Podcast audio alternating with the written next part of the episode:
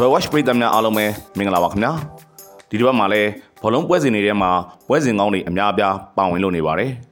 ပရီးမီးယားလိဂ်မှာဆိုရင်လည်းလီဗာပူးနဲ့အာဆင်နယ်တို့ကတမ်ဆင်ယာရေးတိုက်ပွဲဝင်နေတဲ့အသင်းတွေနဲ့တွေ့နေရသလိုမန်ယူဆိုရင်လည်းခရစ္စတယ်ပဲလစ်နဲ့ကစားမှဖြစ်လို့ပွဲကြက်ရင်ဆိုင်နေရတဲ့သဘောပါပဲ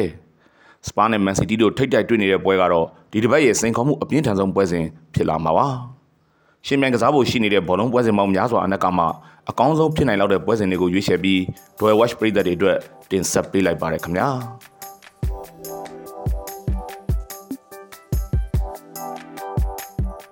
Everton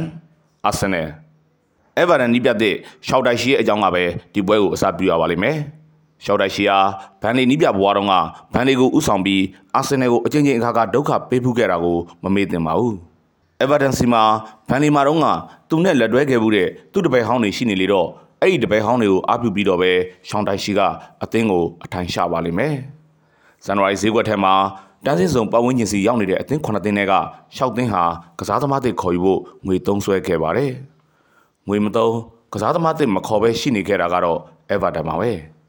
ဒါကြောင့်လဲ Everton သာတန်းစင်းစုံတွေကလွတ်မြောက်ပြီးယာတီတင်းချိန်ရောက်လို့ Premier League မှာကြံနေခဲ့မယ်ဆိုရင်ရှောက်တိုက်ရှိကိုနီးပြကောင်းတစ်ယောက်အဖြစ်အားလုံးအသိမှတ်ပြုကြရလိမ့်မယ်လို့ပြည်တိုင်သတင်းမီဒီယာတွေကရေးသားနေတာပါ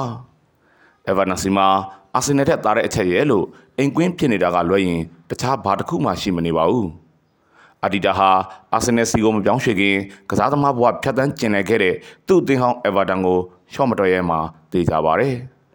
သူတို့ရဲ့ခေတ်ကလေးကအချိန်ဝါကြီးမားခဲ့တဲ့ Goodison Park ဘောလုံးကွင်းဆိုတဲ့အဟံအတားကြီးရဲ့အကြောင်းကိုအာဒီတာသဘောပေါက်ပြီးသားဖြစ်မှာပါ။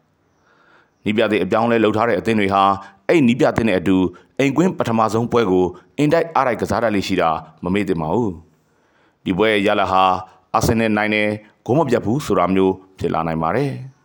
အာဆင်နယ်ဟာကတ်နိုင်ုံလောက်သာစွမ်းဆောင်နိုင်ပါလိမ့်မယ်ခင်ဗျာစပါမန်စီးတီး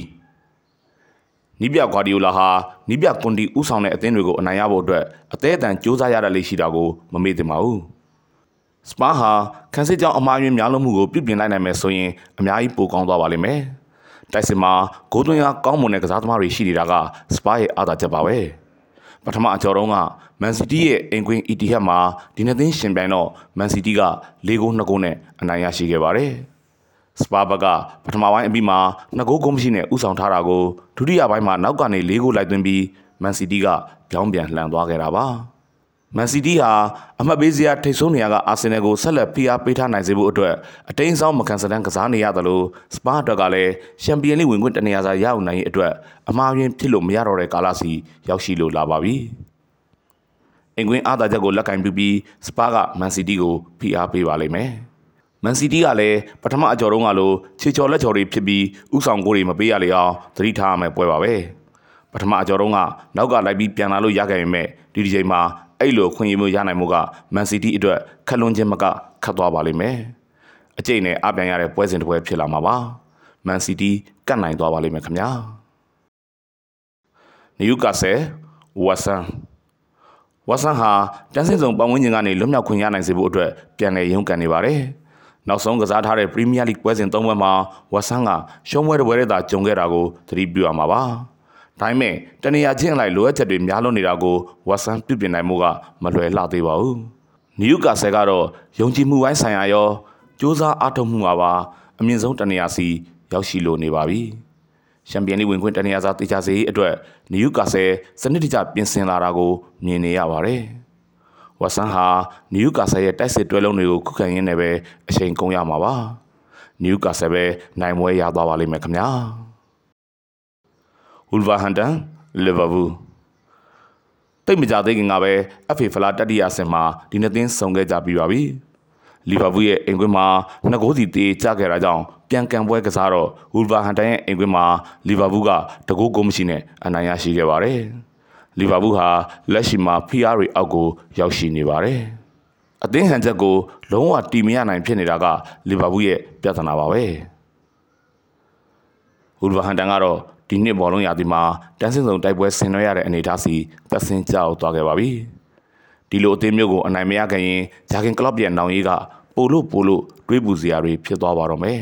။နိုင်ပွဲတစ်ပွဲအရေးပေါ်လိုအပ်နေပြီဖြစ်တဲ့လီဗာပူးကိုအားပေးကြမှာပါပဲခင်ဗျာ။ Man U Crystal Palace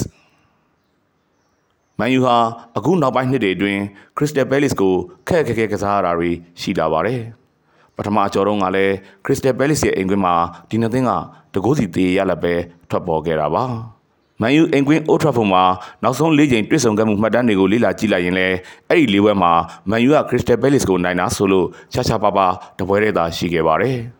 ဒဏ်ရာပြဿနာကြောင့်အဲရစ်စင်ကိုအနားပေးထားရတဲ့အတွက်ဒီပွဲမှာမန်ယူရဲ့ကွင်းလယ်အထိုင်ကိုနီးပြအေးတန်းဟက်ကဘယ်လိုပုံစံအပြောင်းအလဲလုပ်လာလိမ့်မလဲဆိုတာစောင့်ကြည့်ရဖို့ရှိနေပါတယ်။မန်ယူနိုင်တယ်ဂိုးမပြတ်ဘူးဆိုတဲ့အဖြေထွက်ပေါ်လာနိုင်ပါတယ်ခင်ဗျာ။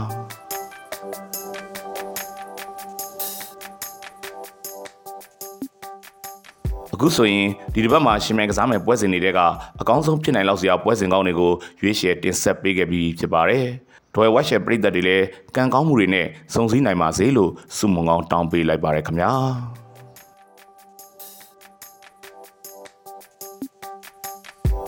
။